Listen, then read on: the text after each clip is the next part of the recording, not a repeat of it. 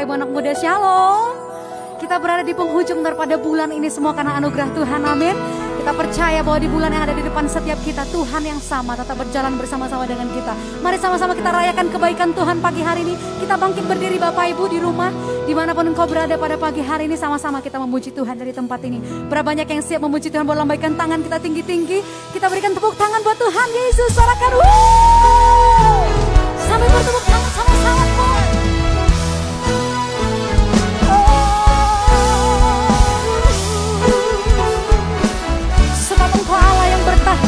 puji-pujian umatmu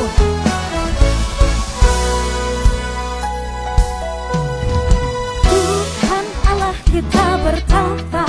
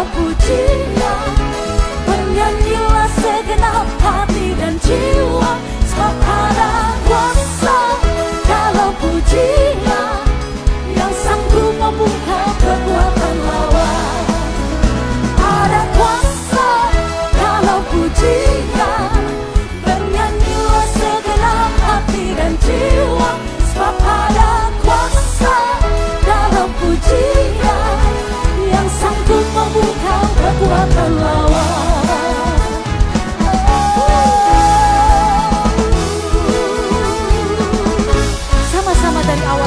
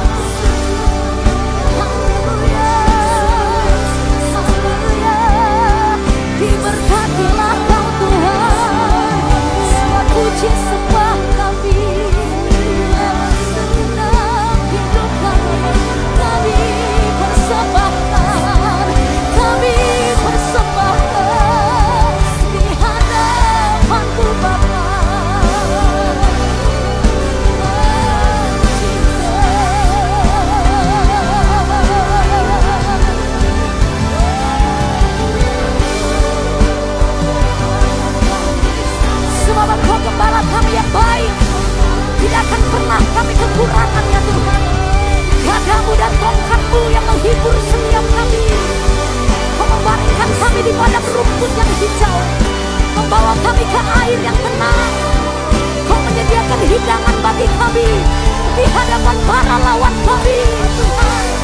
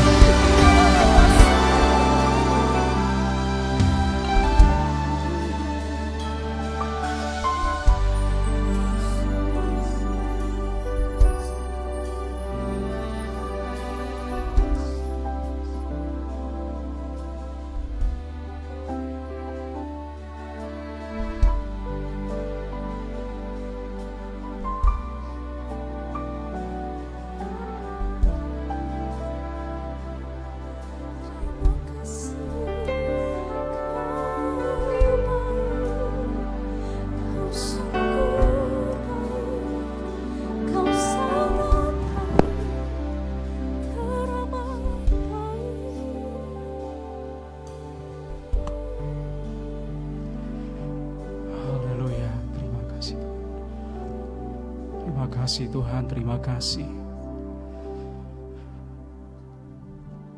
Terima kasih Tuhan. Tuhan kami bersyukur buat pagi hari ini. Engkau berkenan hadir di tengah-tengah kami. Dan apabila kami ada di penghujung daripada bulan Juli ini Tuhan. Tuhan kami bersyukur kepada Tuhan. Dan kami juga bersyukur oleh karena Tuhan berkenan menuntun gereja ini. Genap sudah 28 tahun gerejamu ada di kota ini Tuhan. Oleh sebab itu Tuhan sekali lagi izinkanlah kami menaikkan ucapan syukur kami. Bukankah Engkau Allah yang berkenan berjalan bersama-sama dengan kami ya Tuhan? Engkau Tuhan yang telah melakukan perbuatan-perbuatan yang ajaib. Engkau Tuhan yang berkenan menuntun gereja ini ya Tuhan.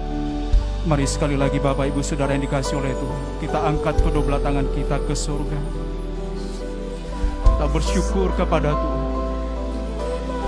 Sebab 28 tahun. Kalau kita ada hari ini, itu bukan karena kebaikan kita. Kalau kita ada hari ini, itu bukan karena kekuatan kita. Bukankah semuanya oleh karena kasih karunia-Nya?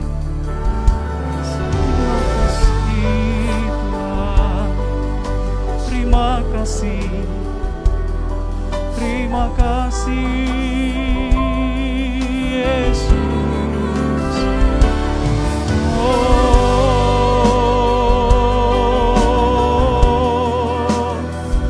kami bersyukur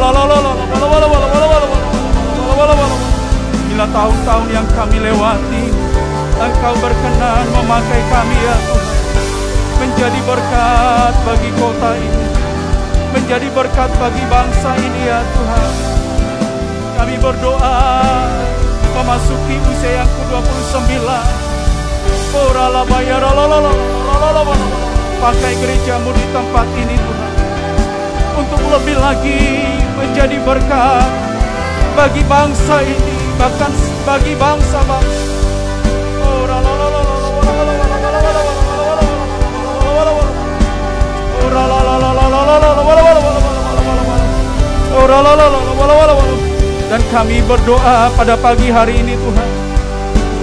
Kami berdoa untuk kota kami. Kami berdoa untuk bangsa kami Tuhan.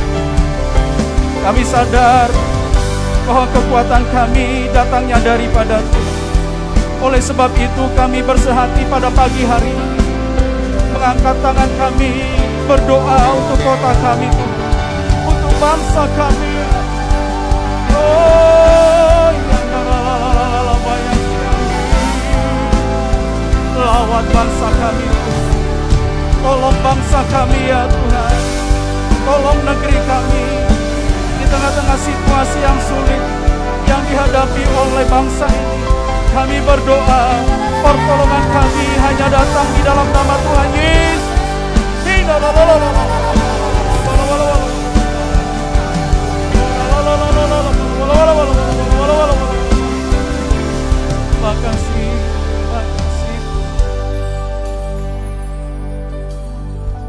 Terima kasih Bapak. Engkau melawat bangsa kami Tuhan. Engkau melawat negeri kami. Terima kasih Tuhan, terima kasih. Dan kami berdoa pagi hari ini. Apabila ada di antara umatmu pada pagi hari ini, hari-hari ini sedang lemah ya Tuhan. Kami berdoa bersama-sama kiranya Engkau memberikan kesembuhan kepada yang sakit ya Tuhan. Kau melawat setiap anak-anakmu yang hari-hari ini mengalami kelemahan ya Tuhan secara fisik. Mereka yang terinfeksi oleh COVID kami berdoa. Lawat ya Tuhan, bangkitkan hamba-hambamu baik mereka yang terbaring di rumah sakit, baik yang terbaring di dalam rumah kami berdoa dari tempat ini. Engkau berkenan membangkitkan anak-anakmu ya Tuhan. Lepaskan kesembuhan di dalam nama Tuhan Yesus. Dalam nama Tuhan Yesus. Terima kasih Bapa, terima kasih Tuhan. Kami serahkan umatmu ke dalam tanganmu Tuhan. Karena kami percaya Engkaulah kota perlindungan kami. kubu pertahanan kami. Allah yang kami yang hidup. Terima kasih Tuhan, terima kasih Yesus. Terima kasih Bapa. Jikalau pagi hari ini Tuhan kami rindu untuk mendengarkan Engkau berbicara bagi setiap kami. Tuhan kami membuka hati kami di hadapan-Mu Tuhan. Kami berdoa, bukankah Engkau pernah berkata firman-Mu adalah pelita bagi kaki kami dan terang yang sanggup menerangi jalan-jalan kami ya Tuhan. Terima kasih Tuhan. Berfirmanlah bagi gerejamu di tempat ini. Karena kami percaya firman-Mu adalah kekuatan bagi setiap kami. Ini doa kami Tuhan. Di dalam nama Tuhan Yesus Kristus kami berdoa dan mengucap syukur. Mari kita yang mengasihi Tuhan bersama-sama kita katakan amin. Amin. Kita berikan tepuk tangan bagi Tuhan Allah kita. Haleluya. Nah, silakan duduk Bapak Ibu Saudara, puji nama Tuhan. Saya ucapkan selamat pagi dan shalom bagi kita semuanya. Shalom. Saya juga ucapkan shalom bagi bapak-bapak, ibu-ibu yang ada di rumah yang mengikuti ibadah doa puasa pada pagi hari ini secara live streaming. Saya percaya keadaan kita baik-baik saja, Tuhan memberkati setiap kita. Nah, tanpa terasa saudara bahwa gereja kita sudah genap berusia 28 tahun dan gereja ini akan memasuki usia yang ke-29. Kita berdoa bersama-sama harapan dan kerinduan kita kiranya Tuhan berkenan melanjutkan kasih setianya atas gereja ini. Dan Tuhan memakai setiap kita untuk memberkati kota kita, bangsa kita, bahkan sampai kepada bangsa-bangsa. Nah puji Tuhan saudara, pada pagi hari ini saya ingin uh, menyampaikan firman Tuhan masih sehubungan dengan tema kita. Nah kebetulan hari ini adalah hari terakhir di bulan Juli. Menutup bulan Juli ini saudara, mari kita lihat uh, firman Tuhan yang mendasari tema kita pada bulan ini, yaitu di dalam Matius 16 ayat 18. Matius 16 ayat 18. Dan aku pun berkata kepadamu, engkau adalah Petrus dan di atas batu karang ini aku akan mendirikan jemaatku dan alam maut tidak akan menguasainya. Nah pagi hari ini saudara yang dikasih oleh Tuhan, nah saya memberikan tema untuk firman Tuhan di dua puasa ini adalah gereja yang kuat. Nah saudara hari-hari ini kita disuguhkan oleh perhelatan Olimpiade. Jadi kita bersama-sama kita menyaksikan bagaimana para atlet-atlet terbaik dari seluruh dunia termasuk perwakilan daripada bangsa kita mewakili bangsa ini untuk ada berkompetisi bertanding di Olimpiade di Tokyo. Nah saudara yang dikasih oleh Tuhan, nah unik saudara karena Olimpiade ini memiliki moto yang luar biasa. Nah motonya itu adalah Sitius, Altius, Fortius. Artinya adalah uh, lebih cepat, lebih tinggi, lebih kuat. Setiap atlet yang memiliki uh, kemampuan lebih cepat, lebih tinggi, lebih kuat, maka mereka memiliki potensi untuk memenangkan pertandingan Artinya mereka memiliki kesempatan untuk mendapatkan juara. Nah, saudara, dunia itu memiliki konsep di mana uh, siapa lebih cepat, siapa lebih tinggi, siapa lebih kuat, mereka akan menang. Nah, saudara, bagaimana dengan gereja? Nah, saudara yang dikasih oleh Tuhan, mari kita lihat bersama-sama di dalam Lukas 6 ayat 47 sampai ayat 48. Nah, pagi hari ini saya ingin menunjukkan kepada setiap kita karakteristik gereja yang kuat, ya.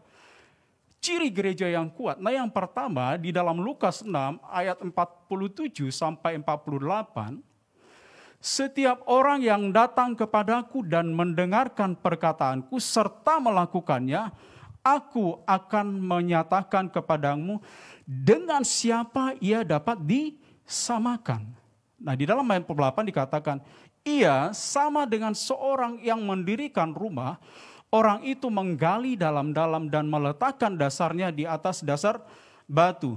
Ketika datang air bah dan melanda dan banjir melanda rumah itu, rumah itu tidak dapat digoyahkan karena rumah itu kokoh dibangun. Nah, ayat ini berbicara tentang orang yang bijaksana. Nah, saudara yang dikasih oleh Tuhan, bagaimana orang yang bijaksana itu bisa bertahan, saudara, waktu dia mendirikan rumah, maka dikatakan rumah yang didirikan itu adalah dibangun di atas dasar batu ya, rock ya, bukan sekedar batu biasa, dibangun di atas dasar batu. Nah saudara ketika air bah datang, banjir melanda, apa yang terjadi? Rumah itu rumah yang kokoh, rumah yang tidak tergoyahkan. Nah mari kita melihat saudara, gereja yang dibangun di atas dasar batu, maka gereja itu adalah gereja yang kokoh. Nah siapakah batu yang sesungguhnya itu saudara? Kalau kita lihat tadi di dalam uh, ayat awal tadi, maka gereja itu dibangun di atas batu karang yang teguh. Di dalam 1 Korintus 10 ayat 4, di sana dituliskan, dan mereka semua minum minuman rohani yang sama, sebab mereka minum dari batu karang rohani yang mengikuti mereka. Dan batu karang itu ialah Kristus. 1 Korintus 10 ayat 4 berkata, batu karang itu ialah Kristus. Kemudian 1 Korintus 3 ayat 11 berkata, karena tidak ada seorang pun yang dapat meletakkan dasar lain daripada dasar yang telah diletakkan, yaitu Yesus Kristus. Nah, eh, karakteristik daripada gereja yang kuat, maka dia harus memiliki pondasi yang kuat. Nah, siapakah pondasi sejati daripada gereja? Pondasi sejati daripada gereja ialah Tuhan Yesus Kristus. Nah mari kita lihat saudara di dalam Amsal 10 ayat 25. Bila taufan melanda, lenyaplah orang-orang fasik. Tetapi orang benar adalah alas yang abadi, everlasting foundation. Nah ternyata saudara, gereja itu harus merupakan kumpulan daripada orang-orang benar, kumpulan daripada orang-orang percaya. Ketika gereja adalah kumpulan orang-orang benar, maka gereja akan menjadi alas yang abadi. Saya dan saudara, ini adalah pondasi bagi bangsa ini. Sebagai everlasting foundation. Sehingga apa yang terjadi? Ketika taufan melanda, ketika badai menerpa, Nah saya percaya saudara kehadiran gereja akan sangat menentukan perjalanan daripada sebuah bangsa. Bisa katakan amin Bapak Ibu Saudara. Nah, mari kita lihat bagaimana gereja yang kuat. Nah, gereja yang kuat ini saudara bukan gereja yang melihat kepada dirinya sendiri. Nah, saya melihat bahwa selain gereja harus memiliki pondasi yang kuat, ya, maka gereja juga harus melakukan sesuatu untuk menunjukkan bahwa gereja itu adalah gereja yang kuat, gereja yang kokoh. Nah di dalam Alkitab, khususnya dalam perjanjian baru, ya uh, ada dua kata yang menerangkan tentang kata menanggung. Sehingga gereja yang kuat itu adalah gereja yang menanggung kelemahan orang lain. Nah dalam perjanjian baru, nah kata menanggung, jadi uh, saya melihat dua kali, uh, ada dua kata maksud saya tentang uh, yang menerangkan tentang kata menanggung. Nah yang pertama adalah di dalam Kolose 3 ayat 13. Kolose 3 ayat 13. Sabarlah kamu seorang terhadap yang lain dan ampunilah seorang akan yang lain. Apabila seorang menaruh dendam terhadap yang lain, sama seperti Tuhan telah mengampuni kamu, kamu perbuat juga demikian. Nah, kata sabar di sana tidak sekedar berkata, ya sabar ya dalam penderitaan tidak sekedar perkataan. Tapi kata sabar di sana itu diambil dari kata menanggung. Dalam bahasa uh, Yunani diambil dari kata anekomai.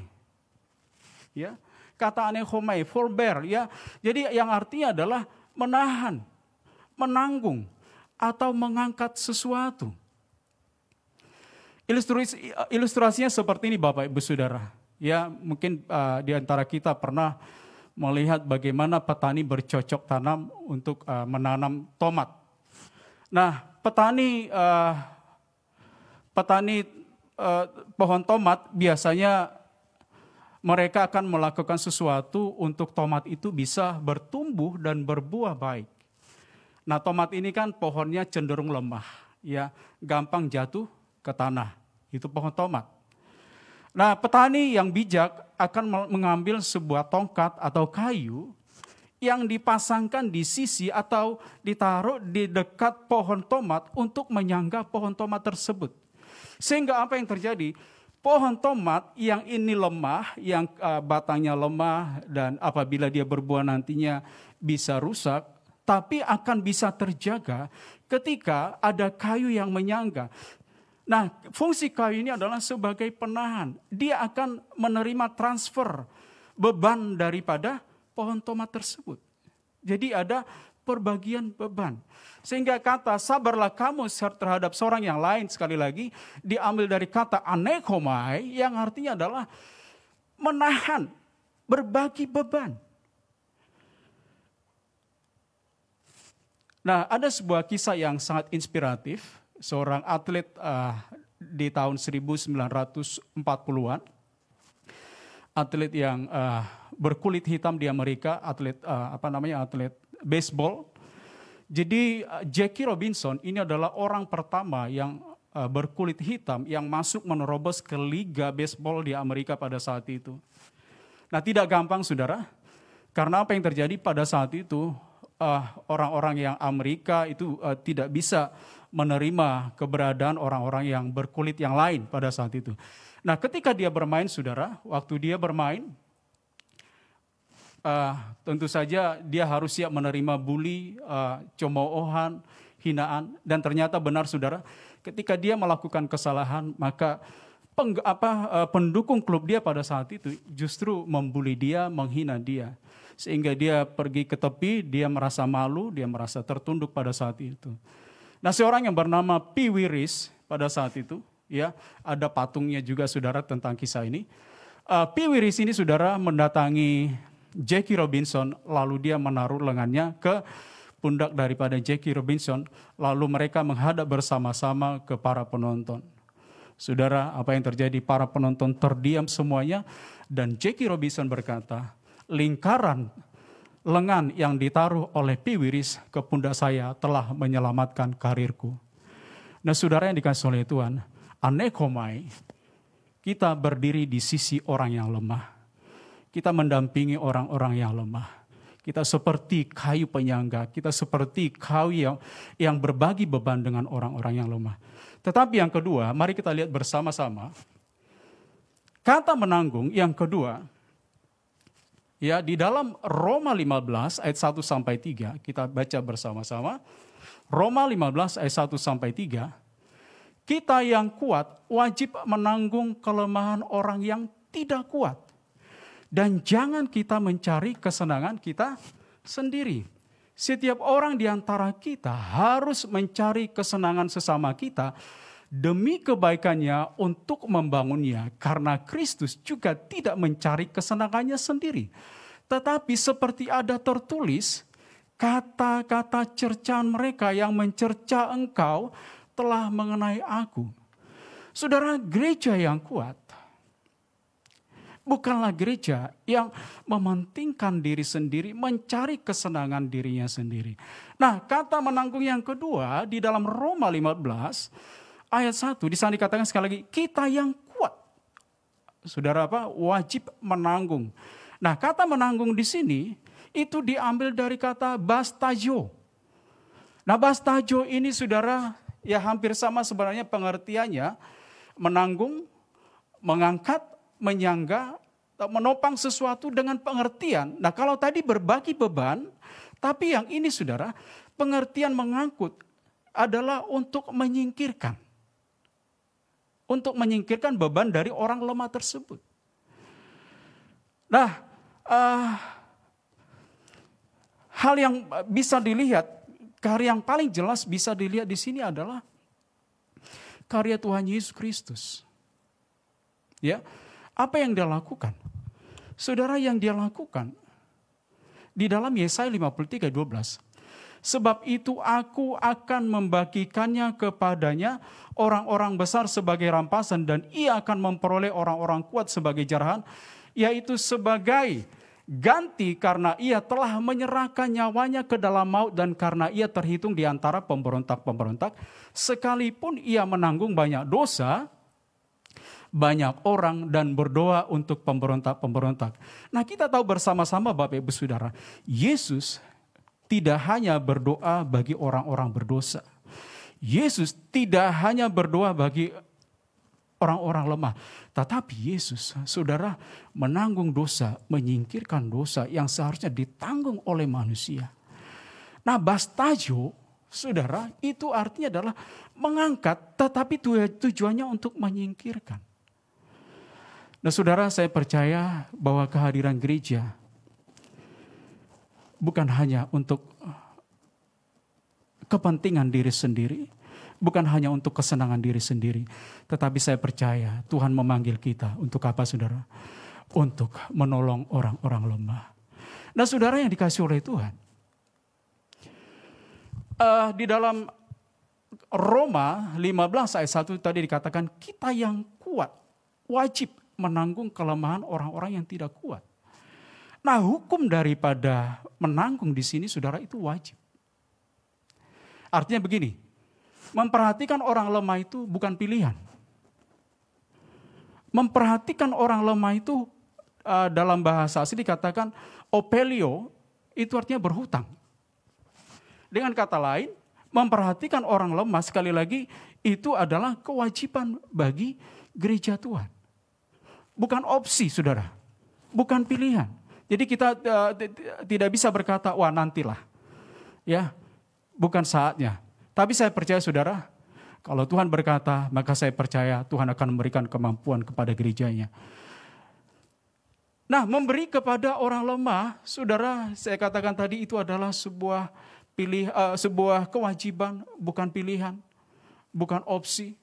Oleh sebab itu, memberi kepada orang lemah itu tidak dapat ditunda atau ditunggu. Amsal 3 ayat 27 sampai 28 berkata, Janganlah menahan kebaikan daripada orang yang berhak menerimanya. Padahal engkau mampu melakukannya. Nah lihat ini saudara. Janganlah engkau berkata kepada sesamamu pergilah dan kembalilah. Kapan saudara? Besok akan kuberi. Sedang yang diminta ada padamu. Saudara, apa yang terjadi ketika kita memperhatikan orang lemah? Nah saya percaya saudara, Alkitab mencatatkan ya.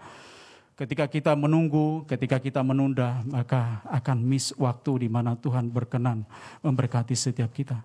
Nah, ada satu contoh saudara di uh, di Alkitab di dalam Perjanjian Baru. Nah, jemaat atau gereja Makedonia. Nah, saya mau lihat gereja di Makedonia ini saudara adalah gereja yang luar biasa. Di dalam 2 Korintus 8 ayat 1 sampai 3 di sana dikatakan, Saudara-saudara, kami hendak memberitahukan kepada kamu tentang kasih karunia yang dua anugerahkan kepada jemaat-jemaat di Makedonia. Nah lihat ini saudara, selagi dicobai dengan ber, berat dalam pelbagai penderitaan, sukacita mereka meluap dan meskipun mereka sangat miskin namun mereka kaya dalam kemurahan. Aku bersaksi bahwa mereka telah memberikan menurut kemampuan mereka, bahkan melampaui kemampuan mereka. Saudara memperhatikan ayat ini, saudara, kita melihat jemaat di Makedonia itu adalah jemaat yang luar biasa. Nah, gambaran daripada gereja di Makedonia kita lihat bersama-sama. Yang pertama, mereka itu mengalami pelbagai penderitaan. Pelbagai itu artinya begini, lebih dari satu. Jadi gereja ini uh, di Makedonia adalah gereja yang mengalami dari satu penderitaan dari kepada penderitaan yang lain. Bahkan mereka mereka di sana dikatakan mereka miskin, bukan sekedar miskin, saudara sangat miskin. Saya percaya ini bukan karena kesalahan mereka. Nah, ini adalah dua gambaran daripada gereja di Makedonia pada saat itu. Mereka mengalami pelbagai penderitaan, mereka sangat miskin, tetapi lihat kesulitan, penderitaan, aniaya yang mereka alami tidak menghentikan mereka untuk apa saudara? Bermurah hati. Tidak menghentikan mereka, tidak menunda-nunda untuk apa saudara? Melakukan ya, untuk memberi. Saudara lihat, bahkan sukacita mereka meluap dalam tekanan. Saudara, tekanan akan tetap ada. Kesulitan akan tetap ada, persoalan akan tetap ada. Sebab 2 uh, Timotius 3 1 berkata, itu adalah karakter waktu di hari-hari yang terakhir. Itu adalah warna waktu yang kita hadapi di hari-hari yang terakhir. Hari-hari yang sulit. Tetapi jangan itu menghentikan kita, saudara. Untuk apa? Untuk memiliki gaya hidup seperti jemaat di Makedonia. Jemaat di Makedonia tidak dihentikan oleh penderitaan untuk memberi. Sukacita mereka justru meluap dalam tekanan. Luar biasa saudara. Mari kita lihat selanjutnya. Nah ini adalah ayat yang berulang-ulang disampaikan oleh gembala pembina kita, gembala sidang kita, pemimpin-pemimpin kita. Tentang penghakiman di hari-hari yang terakhir. Saudara, uh, penghakiman di hari-hari yang terakhir. Ini uh, ada hal yang khusus kita baca di sana saudara. Nah langsung di ayat 40-nya saja saudara kita tahu ceritanya bagaimana uh, raja uh, memberikan penghakiman di hari-hari yang terakhir. Setelah memberikan reward kepada kelompok domba dan kelompok uh, kambing maka di dalam ayat 40 dikatakan seperti ini. Dan raja itu akan menjawab mereka aku berkata kepada kamu sesungguhnya segala sesuatu yang kamu lakukan untuk salah seorang dari saudaraku yang paling hina ini apa saudara? Saya sengaja memberikan warna kuning di sana. Kamu telah melakukannya untuk aku. Saya percaya kita uh, senang memuji Tuhan, kita senang berdoa sebagai uh, wujud penghormatan kita kepada Tuhan. Kita senang ya menyembah Tuhan karena kita menghormati Tuhan. Tapi pada penghakiman yang terakhir, apa yang dikatakan oleh Tuhan? Apa yang dikatakan oleh Tuhan? Sesungguhnya segala sesuatu yang kamu lakukan untuk salah seorang dari saudaraku yang paling hina ini kamu telah melakukannya untuk aku. Saudara, memperhatikan orang-orang lemah itu adalah bentuk penghormatan kita kepada Tuhan. Bisa katakan amin saudara. Sesungguhnya kita sedang menghormati Tuhan. Jauhkan dulu pikiran kita saudara, waktu kita melakukan aksi sosial, kita memberi bantuan kepada orang-orang miskin. Lalu Tuhan itu ada di tempat yang jauh. Tuhan itu ada di tempat yang sama. Kita seperti memberikan minum kepada Tuhan. Kita memberikan uh, makanan kepada Tuhan. Kenapa saudara? Karena kita menghormati dia sebagai raja, segala raja. Yang punya hati atas orang-orang lemah, atas orang-orang miskin. Mazmur 115 ayat 5 sampai 9 sebagai gereja yang kuat Kenapa gereja harus memberi saudara? Kenapa gereja harus memperhatikan orang-orang lemah? Mazmur 115 ayat 5 sampai 9. Mujur orang yang menaruh belas kasihan dan yang memberi pinjaman yang melakukan urusannya dengan sewajarnya. Sebab yang pertama, ia takkan goyah selama-lamanya. Orang benar itu akan diingat selama-lamanya. Yang berikut, ia tidak takut kepada kabar celaka hatinya tetap penuh, kepercayaan kepada Tuhan. Hatinya teguh, ia tidak takut sehingga ia memandang rendah para lawannya. Ia membagi-bagikan, ia memberikan kepada orang miskin kebajikannya tetap untuk selama-lamanya. Tanduknya meninggi dalam kemuliaan. Saudara lihat, ya. Kabar malapetaka boleh ada di sekeliling kita. Kabar yang tidak baik boleh ada di sekeliling gereja. Tetapi gereja tidak takut dengan semuanya itu. Tapi apabila ada di antara kita yang masih takut, masih ada perasaan takut melihat segala sesuatu yang terjadi di sekeliling kita. Mungkin kita perlu cek saudara, mungkin kita kurang kurang mengasihi. Kita kurang memberi saudara. Alkitab mengatakan, ia tidak takut kepada kabar celaka, hatinya tetap penuh kepercayaan kepada kepada Tuhan. Nah saudara yang dikasih oleh Tuhan, mari kita lihat selanjutnya. Nah kenapa gereja dipanggil untuk memberi? Ya, gereja suka mengajar saudara, gereja juga suka berkhotbah. Tapi kalau kita melihat, mengajar itu seperti pekerjaan menabur. Ya, berkhotbah itu seperti pekerjaan menabur. Tetapi ada begitu banyak orang-orang lemah di sekeliling kita yang terbelenggu dengan kemiskinan. Nah, belenggu itu bisa dipatahkan dengan doa dan puasa, kita tahu bersama-sama. Tapi tahukah saudara bahwa pada waktu kita memberi, Waktu kita berbuat baik, berbuat baik itu adalah cara yang ditunjukkan oleh Tuhan untuk membuka belenggu. Nah, kalau kita pernah makan di restoran, saudara, kita makan di restoran, nah begitu kita akan bayar, kita akan bayar tiba-tiba kasir berkata seperti ini, sudah dibayar. Nah, kita akan berusaha uh, mencari tahu siapa yang berbuat baik itu. Kita ingin menciptakan sebuah hubungan dengan dia. Sehingga kita melihat perbuatan baik itu sanggup mematahkan belenggu. Bukan berpuasa yang kehendaki ialah supaya engkau membuka belenggu-belenggu kelaliman dan melepaskan tali-tali kuk. Supaya engkau memerdekakan orang yang teraniaya dan mematahkan setiap kuk. Ayat 7. Supaya engkau memecah-mecah rotimu bagi orang yang lapar dan mecah dan membawa ke rumahmu orang yang miskin yang tak punya rumah dan apabila engkau melihat orang telanjang supaya engkau memberi dia pakaian dan tidak menyembunyikan diri terhadap saudaramu. Saudara, mari kita lihat bersama-sama sekali lagi. Panggilan gereja bukan hanya mengajar. Panggilan gereja bukan hanya berkhotbah. Panggilan gereja juga tidak hanya berdoa, tapi panggilan gereja untuk membuka belenggu adalah dengan berbuat kebaikan. Yang terakhir saudara, Matius 5 ayat 7. Berbahagialah orang yang murah hatinya, karena apa saudara? Mereka akan beroleh kemurahan. Saudara, kemurahan ini, hukum kemurahan ini seperti hukum daya gravitasi bumi. Dia akan kembali kepada kita. Waktu kita bermurah hati, apa yang terjadi saudara? Kemurahan daripada Tuhan juga akan kembali kepada gereja.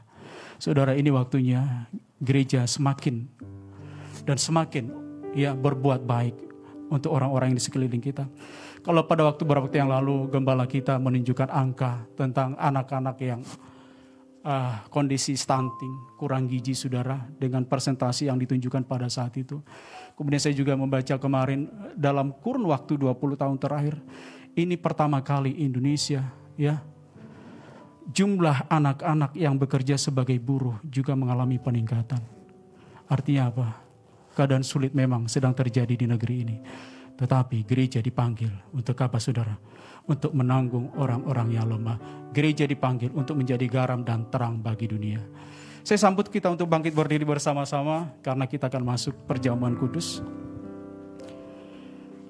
Kita persiapkan roti dan anggur.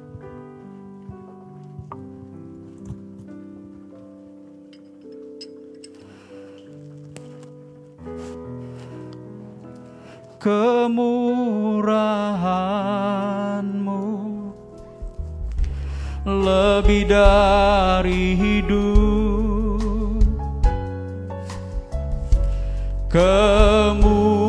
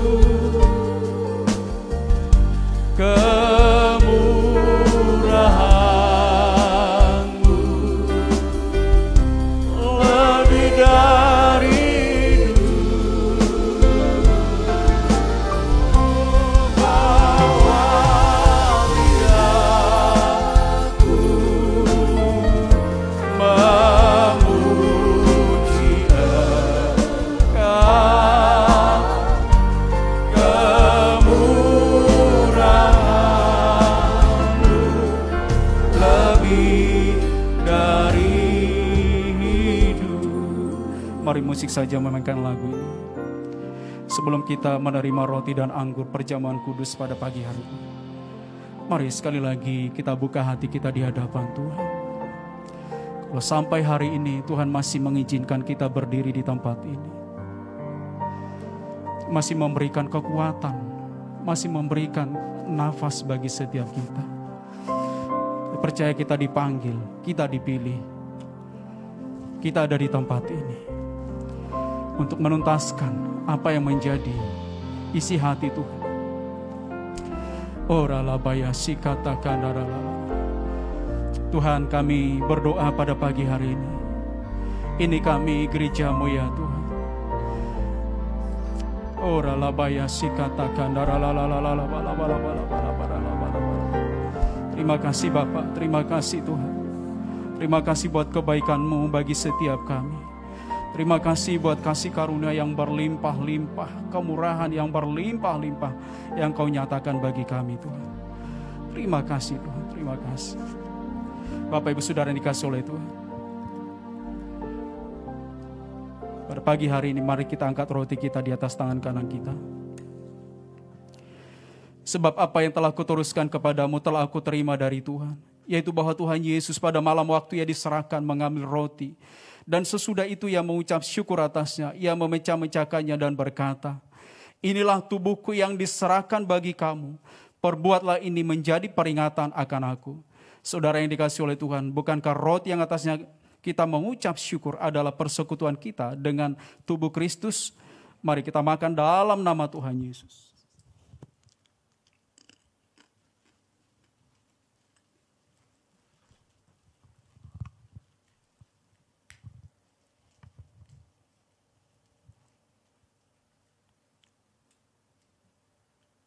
Mari kita angkat cawan kita. Demikian juga ia mengambil cawan sesudah makan lalu berkata, Cawan ini adalah perjanjian baru yang dimateraikan oleh darahku. Perbuatlah ini setiap kali kamu meminumnya menjadi peringatan akan aku. Bapak Ibu Saudara yang dikasih oleh Tuhan, bukankah cawan yang atasnya kita mengucap syukur adalah persekutuan kita dengan darah Kristus. Mari kita minum dalam nama Tuhan Yesus.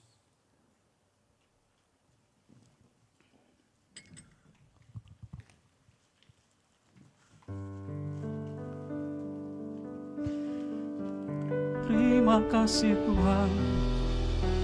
Terima kasih.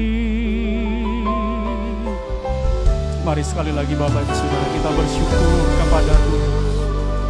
Kita berterima kasih buat kasih dan anugerah. Buat rahmatnya. Buat pertolongan. Oh la la la la la la baya si katakan la la la la baya. Terima kasih.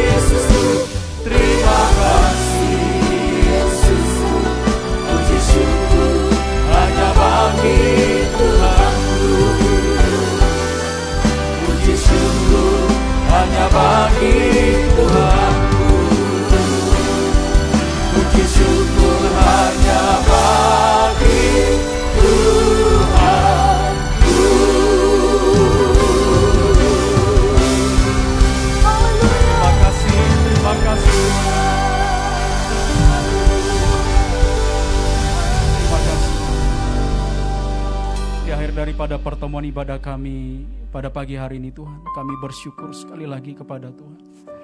Terima kasih buat tubuh dan darahmu. Terima kasih buat berkatmu ya Tuhan. Kami berdoa Tuhan untuk seluruh hamba-hambamu, para pemimpin-pemimpin rohani kami. Gembala pembina kami Tuhan, yaitu Bapak Pendeta Ir Bambang Yonan dan keluarga. Gembala sidang kami ya Tuhan, yaitu Bapak Pendeta Daniel Edi Prainu dan keluarga. Dan pemimpin-pemimpin yang baru yang diangkat Tuhan untuk memimpin gereja ini Tuhan. Kami berdoa berkatmu atas hamba-hambamu. Terima kasih Tuhan, terima kasih.